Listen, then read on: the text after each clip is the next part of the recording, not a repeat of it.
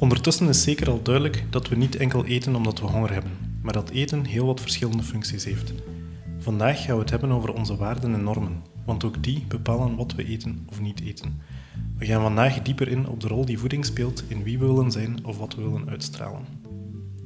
Bij ons aan tafel een hasselaar, een psycholoog, gedragstherapeut, een loopbaancoach, maar vooral ook een overtuigd effectief altruïst. Welkom Chris Martens.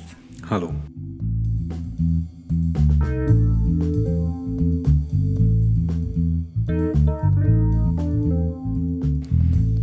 Om te beginnen, um, effectief altruïsme. Wat is dat precies? Je kan dat best beschouwen als een internationale beweging die zich um, verzamelt rond één vraag, namelijk de vraag hoe kan ik het meeste goed doen? En die vraag stellen we rond al uw mogelijkheden, dus zowel uw financiële mogelijkheden als uw loopbaan. En het is een heel diverse beweging, um, maar die dus een aantal afspraken heeft waar we het wel zeker eens over zijn. En dat is bijvoorbeeld de manier waarop we uh, prioriteiten kiezen. Um, als ik daar iets over kan zeggen, uh, kiezen we dus prioriteiten bijvoorbeeld op basis van hoe groot is een probleem? Um, hebben we effectieve antwoorden op die problemen? En is er al iemand bezig met dat probleem. Dus hoe genegeerd is een probleem en kan ik daar persoonlijk een toegevoegde waarde bieden? Um, heel concreet kun je bijvoorbeeld nadenken over donaties, hè, over je geld. Uh, dan kijken we dus welke de goede doelen zijn effectiever dan andere. Dat klinkt als een logische vraag voor iemand die wat geïnteresseerd is in wetenschap. Maar eigenlijk, als we kijken naar de recente geschiedenis, is dat niet zo'n logische vraag die gesteld durfde worden of mocht worden. En zijn er nu wel organisaties mee bezig met te kijken van ja, als je dan 100 euro doneert, waar heeft dat het meeste impact? En wat zijn dan zo redenen waarom dat die vraag niet durfde gesteld worden? Er zit natuurlijk wat een, een taboe bij het idee dat je prijzen plakt op dingen zoals mensenlevens. Dat is bij geneeskunde minder een taboe, maar hier buiten, als je daarover spreekt, al vaker wel. Um, en het leek ook gewoon waarschijnlijk niet meetbaar. Als in hoe kun je al die verschillende dingen vergelijken? Je kunt wel vergelijken twee verschillende behandelingen tegen malaria, maar hoe durf je een malaria-behandeling vergelijken met een behandeling gericht op um, kinderen langer naar school laten gaan of zo? Ja, ja. En het is eigenlijk het idee van, ja, dat kan wel. Je kunt er wel modellen rond maken en vanuit een neutrale positie daarnaar kijken. En als je dat doet, dan zie je wel forse verschillen. En als we dan de lijn zouden doortrekken naar wat betekent dat op vlak van voeding? Mm ik, ik weet wel dat, of, of dat hoorde wel vaak, dat mensen ook op dat vlak wel heel erg bezig zijn op vlak van voeding, van hoe kunnen we het goede doen? Hoe kunnen we bijvoorbeeld duurzaam eten of hoe kunnen we heel bewust eten? En zijn er dan vanuit het effectief altruïsme, ik weet niet, een aantal um, ideeën over wat dat dan het goede is op vlak van eten? Die zijn er zeker, um, maar nu springen we natuurlijk van de hele brede vraag van al uw mogelijkheden, uw geld, uw job, uw vrije tijd, naar één specifiek stuk, uw, uw eten. En er is een reden, denk ik, waarom mensen dat doen. En de reden is dat we heel graag focussen op onze eigen impact en onze eigen mogelijke schadelijke impact. Uh, Fairtrade bijvoorbeeld is een concept vooral, je koopt sowieso al koffie, dus dan koop je liever koffie waarbij je iets goed doet of minder schadelijk doet. Ja. Maar dat op zich kan uw impact al doen verminderen. Hè. Dus effectief altruïsme gaat ook over, ja, wat zit je niet aan het doen ondertussen. Hè. Dus als je bijvoorbeeld goedkoopste koffie kunt kopen en met dat gespaarde geld kunt doneren naar een meest effectieve doel, is dat misschien effectiever. Hè? Dus dat is de moeite waard om naar te kijken.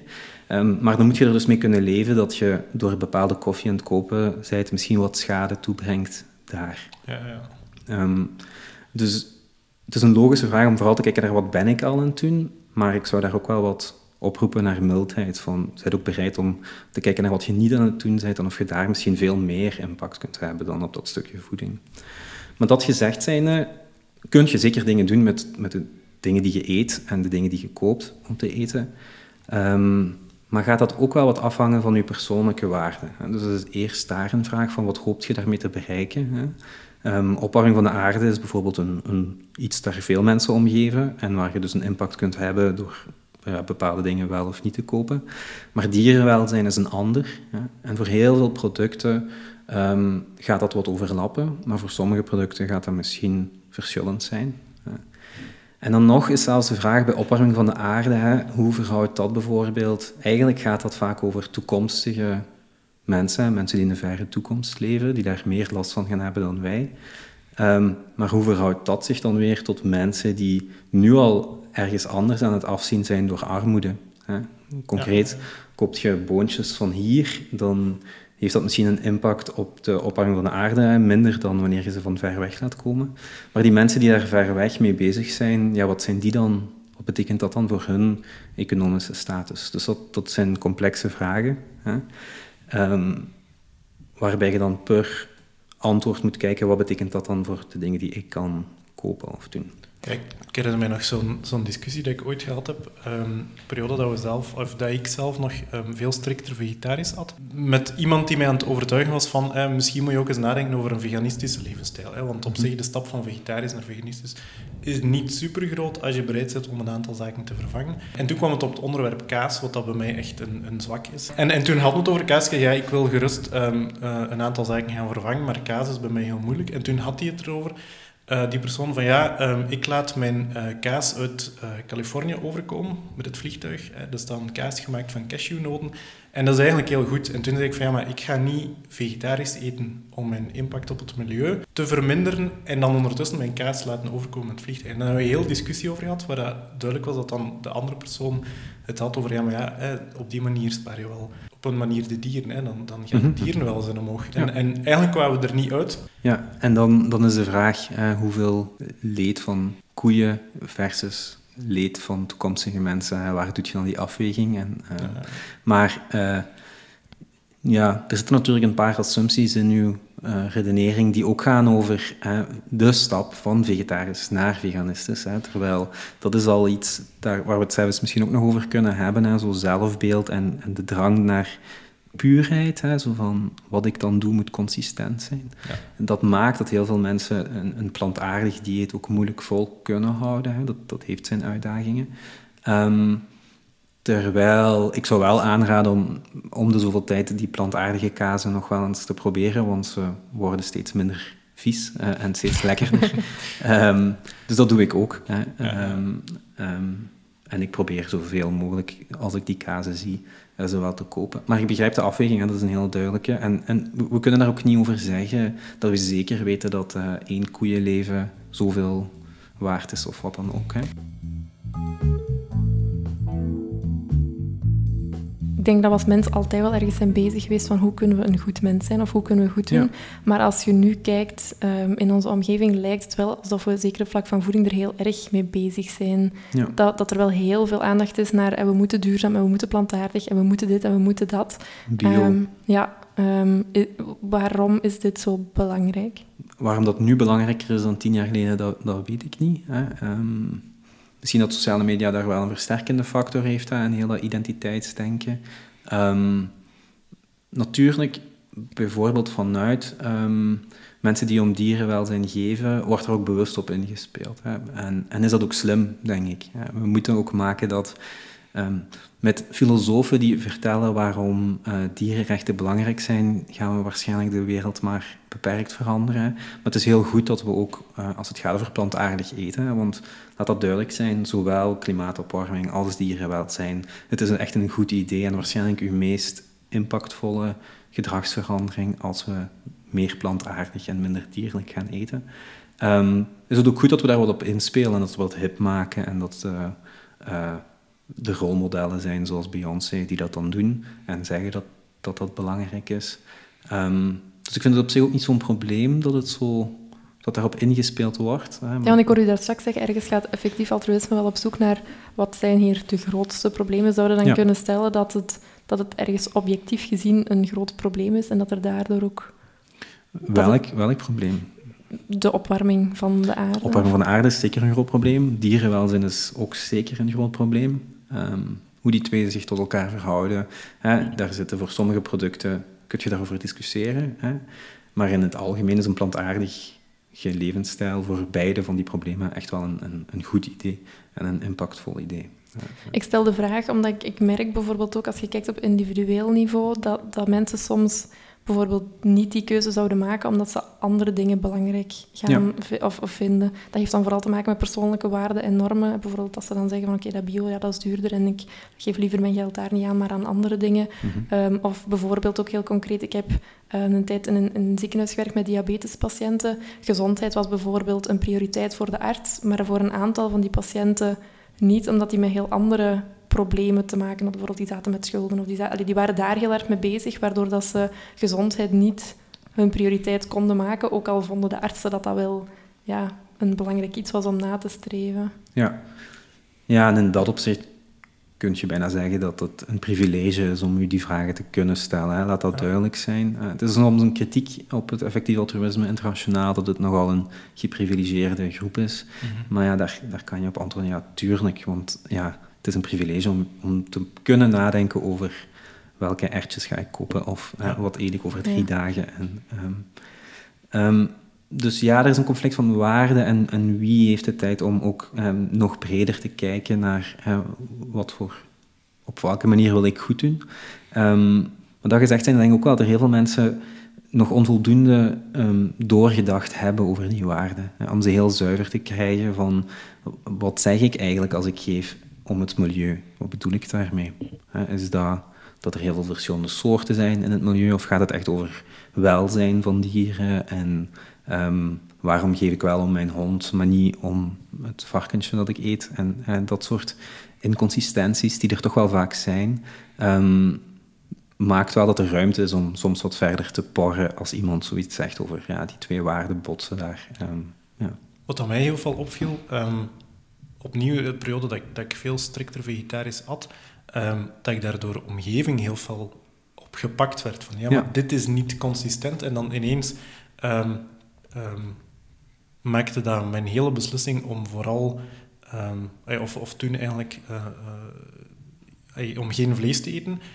om, om een of andere reden maakte dat dan dat helemaal te niet, terwijl ik zoiets had van ja, maar mijn levensstijl is niet minste, minder inconsistent dan die van anderen uh, ja. mensen. Maar om een of andere reden triggert dat wel veel ja. in je omgeving. En sommigen denken dat dat dus ook vooral triggert omdat je net een uh, cognitieve dissonantie doorprikt. Hè? Dat, dat eigenlijk de meeste mensen um, wel weten dat er iets scheelt met dat, met dat uh, vleesverhaal en daar eigenlijk niet graag geconfronteerd mee worden. En als ze daar geconfronteerd mee worden, daar ja, wat prikkelbaar op reageren.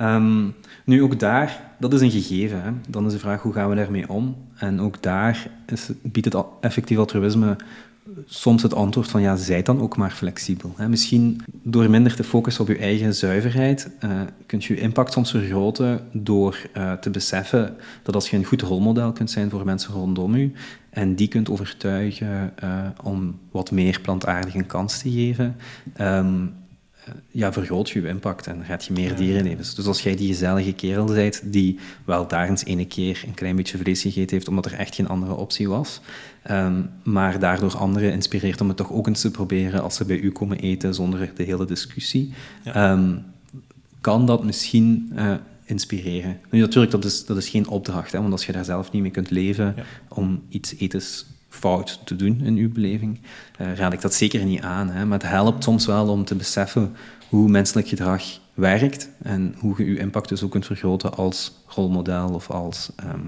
ik denk dat dat een weg is dat we allebei wel ook zo gaandeweg wat gevoeld hebben. Ik denk dat we ergens een paar jaar geleden allebei ook heel hard zo vanuit het statement vertrokken van wij zijn vegetariër. En dat we dat ook ergens een stukje hebben losgelaten, omdat inderdaad, mensen, dat, dat, dat roept wel weerstand op of zo bij andere mensen. En nu zijn we daar inderdaad veel flexibeler in. Ik denk een stukje vanuit die eigen ervaringen in de omgeving, maar ook eh, allez, geboorte van kinderen en, en, daar iets flexibeler. Maar ik merk wel inderdaad, door daar flexibeler in te zijn, dat er veel minder die weerstand komt. En dat ja, mensen het ergens heel evident vinden dat we vaak geen vlees eten.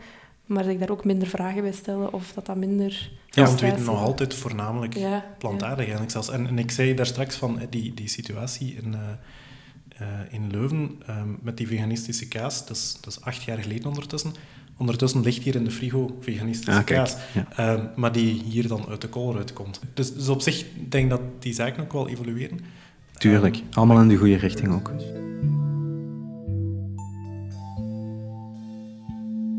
Uh, die weerstand dat het bij mensen oproept. Mm -hmm. um, Dus, dus het feit dat als je met mensen over het vlees praat, dat die toch ergens aanvoelen van eh, hier is misschien iets niet helemaal juist en dat je ergens die, die ehm, cognitieve dissonantie doorprikt.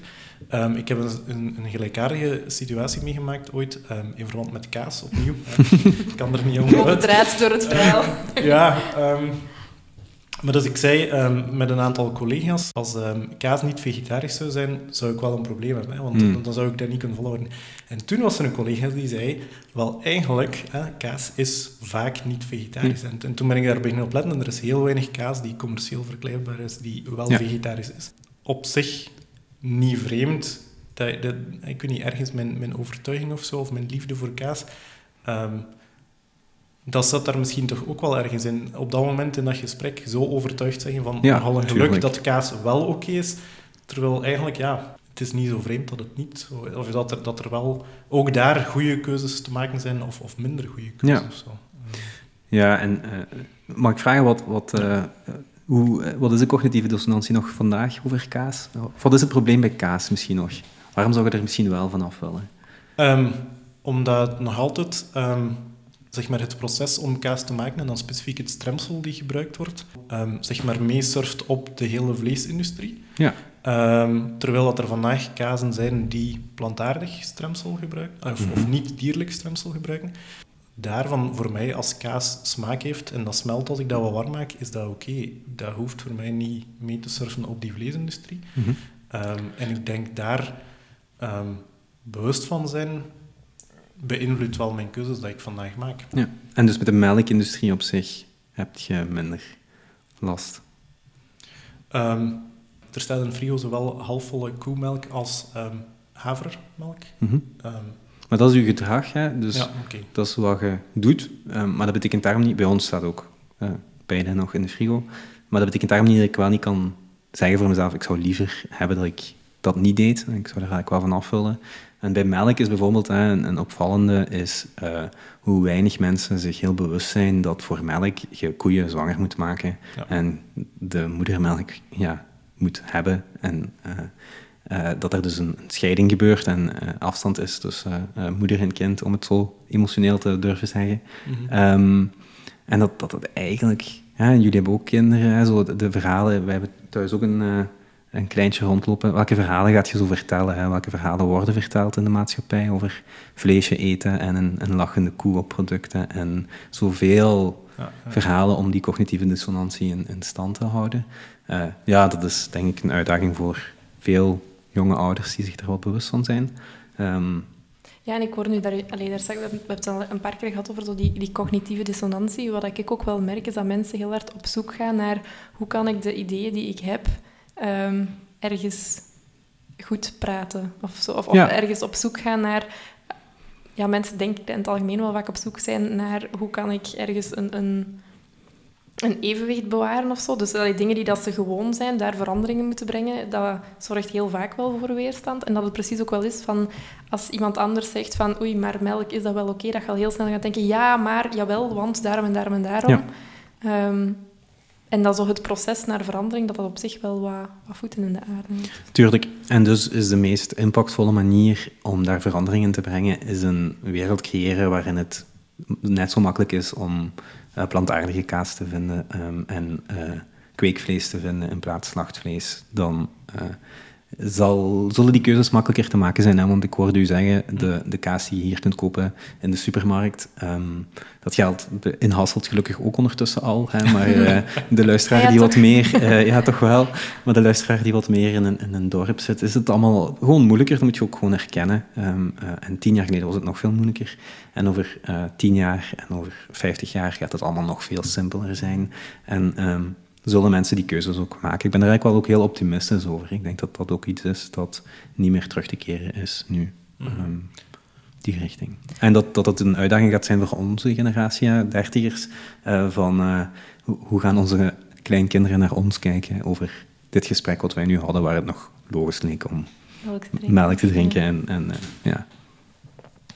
Ja, en wat ik ergens mij ook wel afvraag, is zo ehm, bijvoorbeeld rood vlees of Mhm, zo. mhm. We weten allemaal, dat is één, dat bijvoorbeeld minder gezond. Dat is ook naar ecologische Mhm. allemaal geen goed idee. Dat weten we allemaal wel. Maar toch merkte heel vaak dat dat ook zoiets is dat samenhangt met identiteit bijvoorbeeld. Hè. Stoere mannen horen Ja. dan vlees te eten of moeten veel vlees eten. Dat dat ook wel samenhangt met een soort van wie wil ik zijn, Ja. wat wil ik uitstralen. Dat het niet zozeer gaat om wat is een goede keuze, maar dat, dat ook daar dan weer andere waarden een belangrijke rol spelen in de keuzes dat je maakt. Ja, en daarom is het feit dat er eh, rolmodellen, fitnesssterren zijn, ik ken ze niet, maar ik weet dat ze bestaan, die puur plantaardig eten en eh, toch dat imago van echte man, wat dat dan ook zou moeten zijn, ehm, kunnen overbrengen en kunnen tonen dat je dat ook kunt. Ehm, hoe heet de Formule 1 eh, man? Hamilton, Ja.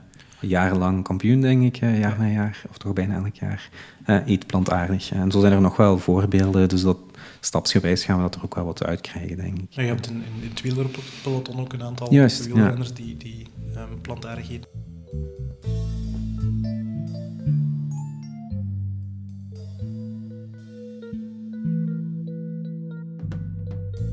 hoe streng wilt je zijn en hoe vlot gaat het u ook. Hè? Want ik denk dat ook verschillende persoonlijkheidskenmerken maken dat mensen daar verschillend mee omgaan. Hè? De ene kan al wat eh, milder zijn voor zichzelf of wat strenger zijn voor zichzelf en makkelijker gedragsverandering vertonen. De ene kan bepaalde kennis opdoen en meteen helemaal wisselen en zeggen... Ja, ik begrijp niet waarom niet iedereen meteen helemaal wisselt. Eh, en de andere kan het dan een tijd doen en zich daar eenzaam in voelen en... en ehm, toch weer terug eh, daarvan komen en zeggen dat is niet voor mij, dat lukte niet. Daar zit ook een risico in, hè, als, als te veel mensen dus denken dat ze de sprong volledig moeten maken ehm, en daar dan op terugkomen, ja, dat is natuurlijk geen goede reclame voor een eh, plantaardige levensstijl. Ehm, dus ik denk dat we daar ook gewoon mild in moeten zijn. En, en ik, ik merk dat jullie hè, zowel bezig zijn met hoe fel is dat dan een identiteit. Ehm, ik vind het ook wel wat leeftijdsadequaat. Hè? Dus zo het hele identiteitsdenken, als een, als een 16-jarige dat doet, of een 20-jarige dat doet, of een 25-jarige dat doet, eh, is dat ook nog iets anders dan wanneer een 30-jarige... Ik denk dat dat ook gewoon typisch identiteit zoeken is en dat we een fases soms doorgaan waarin je daar meer nood aan hebt. Ja. En dat dat ook prima is. Ja, en, en- ja. we hebben het al gezegd, maar op, in deze fase bij ons, of, of in de afgelopen jaren, zit dat vooral in wat geven we onze kinderen mee. Ja. Dus, Ja, eh, en inderdaad, het verhaal, wat vertelde daarbij? Hè? Hoe presenteerde dat en wat, wat wilden ze meegeven? Ook opnieuw qua waarden en normen. En, Ja. Ja, de, de waarde als je ergens anders bent, eet pot schaft, versus eh, je mocht zeggen dat je dit en dit niet wilt eten. Ja, het zijn dingen, ja, niet gemakkelijk. Hè. Nee. Nee, en als, als, allee, als, je, als ik me zo wat advocaat van een duivel zou spelen, je hebt ook wel, als het dan gaat over de stoere mannen die zeggen van we hebben ons vlees nodig, je hoort vanuit die hoek wel vaak ook zoiets van, zeg maar, biedt mogen we niks meer. Of zo, hè, van, als ze ons dat allemaal gaan afpakken, dat vlees, dat is Ja. ook van, vanuit zo'n soort van weerstand van, ja, hebben ze, hebben ze een punt? Of, allee, Ja, ik ben er heel pragmatisch in. Hè. Als er een groep is die dat ervaart, eh, moeten we kijken wat we kunnen doen om die weerstand wat weg te nemen. Ehm, en, ehm, maar er zijn, ja, er zijn wel... Ik denk dat wel elke morele vooruitgang gepaard gaat met een groep die een tijd lang nog weerstand biedt en er appetant voor is. Ehm, en dat dat ook prima is. Maar zit er dan ook niet het risico om ergens wel te zeggen van wij weten het beter, wij weten wat juist en goed is en jullie moeten jullie aanpassen aan wat dat wij weten en dat dat ook wel iets heel belerend krijgt of iets heel oordelend van ja, wij zijn hier de Ja. betere of zo. Eh, ja, dus laat het ook duidelijk zijn, hè, wat ik hier nu vandaag zeg, is niet als, dat is niet wat ik tegen mijn patiënten zeg. Hè. Dus dat is, dat is geen psychologische interventie. Hè. Dat, is een, eh, dat is enkel wanneer mensen bijvoorbeeld die vraag zouden stellen van help mij nadenken over impact. Hè. Ehm, bijvoorbeeld de impact van uw loopbaan. Ehm, ja, maar anderzijds, hè, eh, mijn mensbeeld is, is nog negatiever dan dat. Dus ik denk dat we bijvoorbeeld, als het over dierenrechten gaat, ehm, of hoe wij omgaan met toekomstige generaties, ehm, dat we daar mis zitten. En dat onze achterkleinkinderen gaan terugkijken en zeggen, hè, hoezo deden jullie dat? Ehm, maar dat er nog een hele hoop andere dingen zijn die we ook aan het doen zijn en daar een blinde vlek hebben. Eh, en dus als ik hier nu vandaag zeg, ik denk dat het fout is hoe we omgaan met dierenrechten, en iemand voelt zich daardoor aangevallen en zegt, ja, dan ons dat ook nog afpakken, zeg ik daar ook meteen bij, en waarschijnlijk doe ik nog andere dingen eh, die ook heel erg fout gevonden gaan worden wanneer mensen nog meer morele vooruitgang maken. Als je terugkijkt naar de geschiedenis, is er, is er eigenlijk geen tijd waarin je niet iets kunt aanduiden qua racisme, seksisme ehm, en andere uh, foute gedragingen. Uh, en dat, dat hoort er eenmaal bij. Maar ik denk dat de benadering daar, um, of het mensbeeld dat velen binnen het effectief altruïsme aanhangen, uh, is dat cognitief werken, dus met argumenten en discussiëren, ja. vaak zeer beperkt is. hoe maak je een, een een stap richting plantaardig eten bijvoorbeeld, hè, en toch uw boeren meekrijgen bijvoorbeeld, um, vind ik een heel belangrijke, natuurlijk. Ja, ja, ja, um, uh. ik vind het ook wel interessant het idee, wat je juist zei, van ergens zijn we op zoek naar hoe kunnen we morele vooruitgang bekomen. Um, is dat iets wat realistisch is? Of zouden kunnen stellen van het zit wel ook altijd in de mens, dat dat een soort van, ik weet het niet, hè? is er een rechte lijn vooruitgang, om het zo te zeggen? Of is dat iets wat continu wel in, in de maatschappij of, of in het samenleven... Um, daar heb je natuurlijk discussies over tussen historici. Hè, wat ik daarvan begrijp, hè, zijn er die zeggen nee, daar kun je niet van spreken. En dan heb je er een groep waarvan sommigen zeggen dat zijn de vooruitgangsoptimisten. Um, uh, waarvan ik persoonlijk denk dat die een, een goede, goede argumenten hebben. Um, en dus dat het wel de goede richting uitgaat, maar dat betekent dat is geen rechte lijnen. Dus daar zijn serieuze dippen in. Want als je heel ik denk van, ja, als je naar vandaag kijkt, uh, ja, er is geen hekser, hekserij. Uh, de uh, dingen zoals racisme en seksisme is er, maar wel minder. Um, wat, voor, wat voor mij belangrijk is, is Um, als je herkent dat er dingen beter zijn dan een tijd geleden, kun je kijken naar hoe komt dat en wat kunnen we daaruit leren en kunnen we die interventies gebruiken om het nog beter te maken. Als je zegt, nee, er, er is geen vooruitgang, het is nog altijd allemaal verschrikkelijk, ja, wat dan? Dan zit je in een soort hopeloosheid. Um, hoe kun je dan leren wat gewerkt heeft en hoe je vooruit kunt? Um, en ja, het boek van Hans Reusling bijvoorbeeld, uh, Factfulness, ik weet niet of jullie daarmee vertrouwd zijn, dat is een, een man die zijn leven gewijd heeft aan um, juiste data geven over de wereld. Hij zegt veel te veel mensen hebben nog het, het wereldbeeld van de jaren tachtig van uh, uh, band-aid-achtige benefieten. Heel Afrika is arm en het Westen is rijk. Um, daar hebben ze niks, hier hebben we alles. Hè. Terwijl de realiteit is in de data dat er ja, je hebt mensen die niks hebben, je hebt mensen die een fiets hebben, je hebt mensen die een auto hebben, je hebt mensen die een vliegreis kunnen. Het zijn veel meer categorieën tussenin. En, en dat gaat op heel veel plaatsen de goede richting uit. Um, dat hangt ervan af of je dan in absolute getallen zegt, met hoeveel zijn die mensen, of relatief. Hè. Maar als je relatief kijkt, hè, het percentage, extreme armoede, hè, dat, dat gaat de goede richting uit. Mm dus ja, dat is belangrijk. En we, de slecht nieuws verkoopt natuurlijk beter. Hè. Dat wat je nu krant leest en op het nieuws ziet, zijn dan uh, de slecht nieuws dingen. Um, dus, dus ja, je hoort, hè, ik ben wat meer overtuigd van... Het gaat op veel vlakken toch enigszins de goede richting uit. En daar zijn dingen die we daaruit kunnen leren. Uh, die, die we daaruit moeten leren. Maar dat betekent absoluut niet dat, het, dat er geen grote dippen aan kunnen komen. En dat het... Ja, en heel concreet op vlak van, als je dan zegt van, we weten nu wel, of we zijn wel overtuigd van plantaardig eten zou, of is, is op vlak van voeding dan het goede doen, om het zo te zeggen? Of, of, minder slecht. minder slecht doen. Uh, maar wat zijn dan zo de criteria waarop dat, dat dan beslist of bepaald wordt? Want ik hoorde straks van, hoe groot is een probleem? Hoe wordt dat dan bijvoorbeeld Wel, concreet gemaakt? Plantaardig eten, omdat, omdat jij vroeg qua eten, hè? dus, dus ik zeg niet dat plantaardig eten in de top 10 van de meest effectieve dingen staat die je kunt doen. Hè? Maar op het vlak van eten is minder dierlijk eten zowel een, een grote, impactvolle interventie qua klimaatopwarming, uh, is dat ook een impactvolle um, interventie qua dierenleed. Um, en heb je dus daar al twee grote uh, problemen die je, waar je een bijdrage aan levert. Want op welke manier wordt die impact dan objectief gemaakt? Of op basis van... Voor die twee? Of voor die... Ja, ja bij, bij dierenleed kun je gewoon het aantal dieren tellen. Hè, en ja. het aantal, of het aantal um, jaren lijden van die dieren hè, en hoeveel je er zo kunt um, verminderen. Hè. Want, ja, niemand gaat ervan uit dat we al die koeien los gaan laten en dat die allemaal uh, een gelukkig leven daarna gaan. Hè. Daar gaat het wel helaas over. Uh, al die miljoenen dieren, uh, dat dat gewoon stopt op die schaal, dat lijden.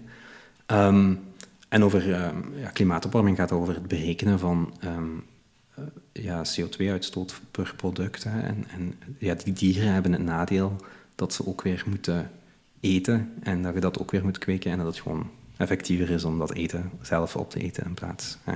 Daarom hou ik ook van het onderscheid slachtvlees en, en kweekvlees. Hè. Uh, je, je bent eigenlijk een dier eten aan het geven. Daar, zit heel, er is heel veel energieverlies om dat te doen. Ja, ik ging net zeggen, je zit met zo'n degradatie van kwaliteit van, van energie inderdaad. Ja, dus dat is eigenlijk absurd. Moest je dat kunnen doen um, qua energie in, dat je erin steekt, dat je dat er ook uit krijgt door bijvoorbeeld kweekvlees. Uh, of gewoon die dingen zelf op te eten, ja, is dat gewoon een, een shortcut uh, ja, ja. Uh, qua CO2-uitstoot en dus ook qua dieren eten. Maar goed, bijvoorbeeld iets dat mensen die dierenrechtenactivisten zijn, die dat vooral als uitkomst nemen, die zullen bijvoorbeeld niet zo snel zeggen waarom wit vlees gezonder is dan rood vlees, of minder ongezond dan rood vlees.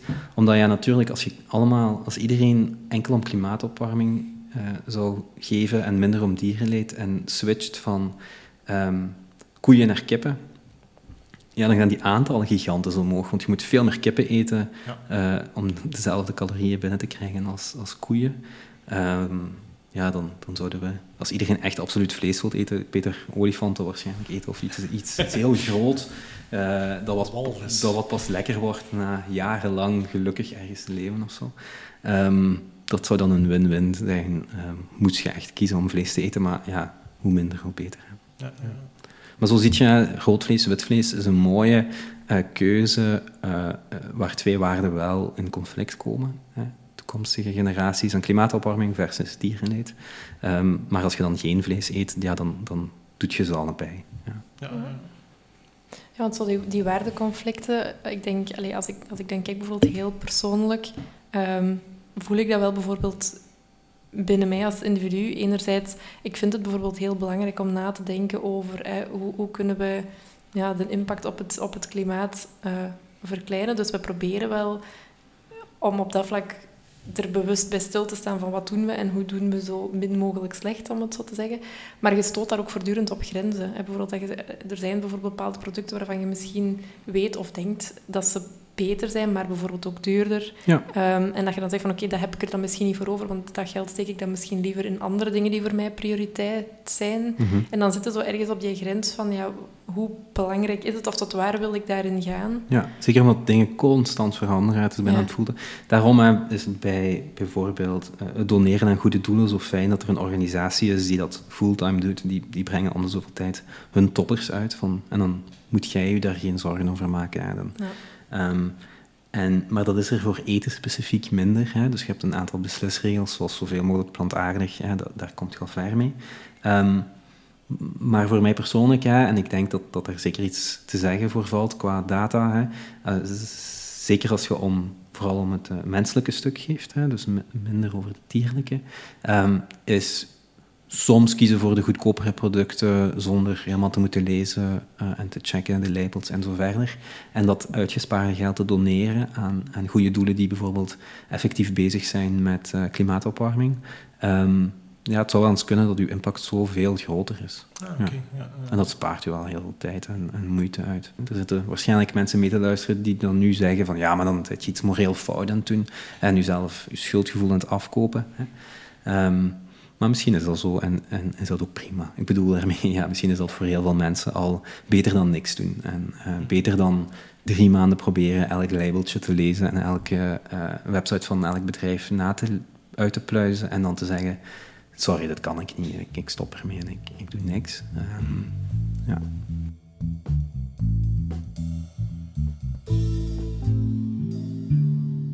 Om dan even terug te komen op mijn vleesetende stoere man, kun je bijvoorbeeld ook gewoon zeggen, of, of er heel hard van overtuigd van, ja, dierenwelzijn interesseert me niet, vind ik niet belangrijk. Dat is niet mijn waarde in dit leven.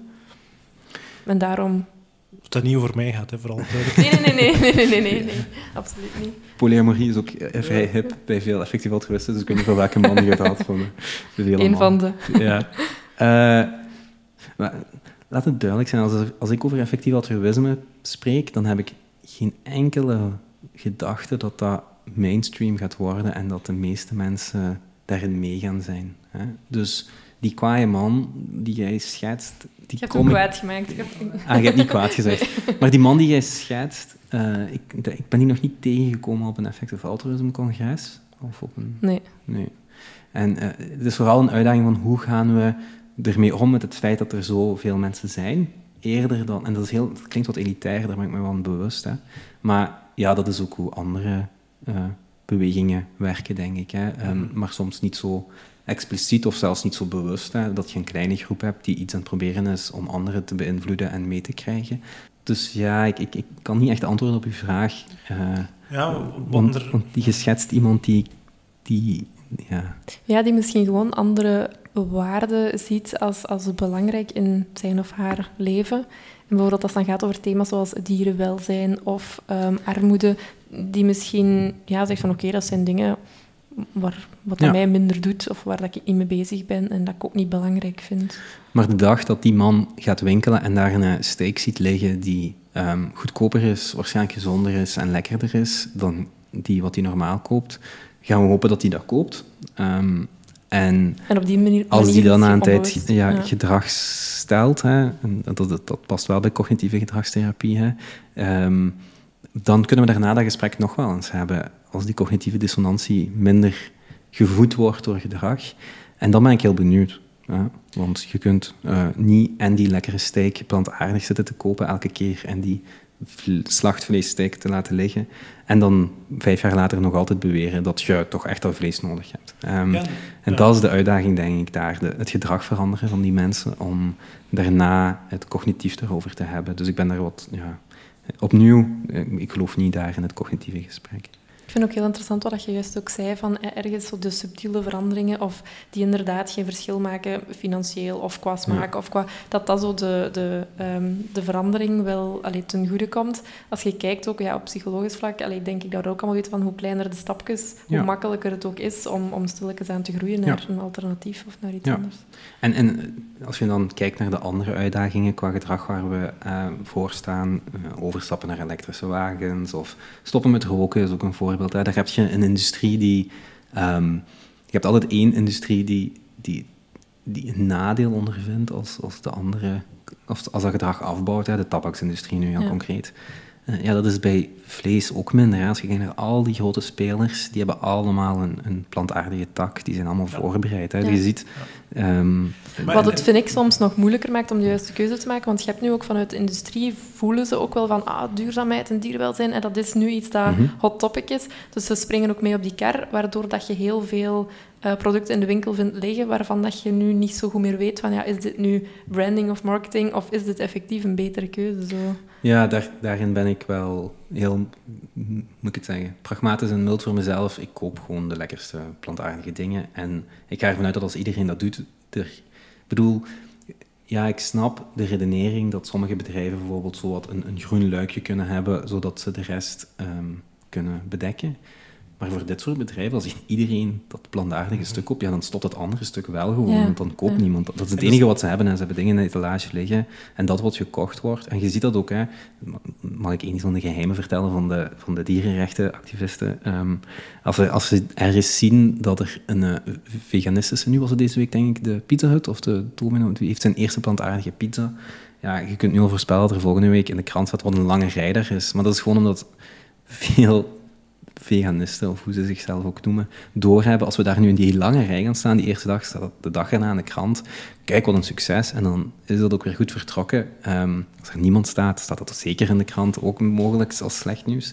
Ja. Um, en zo moet je natuurlijk het spel ook wel wat, wat meespelen. Um, dus ik zou geneigd zijn om wel uh, dat, dat te nemen van die grote speler en ja. nog eens te mailen naar hun lokale supermarkt en zeggen ze waren weer op, waar waren ze, ik wil ze. Ja.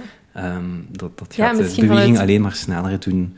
Misschien uh, vanuit dat idee, maar ook wel wat je daar straks ook zei, vanuit een soort van mildheid. We hoeven ook niet misschien te streng te zijn voor onszelf. Het feit dat we de tijd nemen om er al bewust bij stil te staan en ons af te vragen van ja, hoe kunnen we het minder slecht doen, dat dat misschien op zich al wel voldoende is? Of...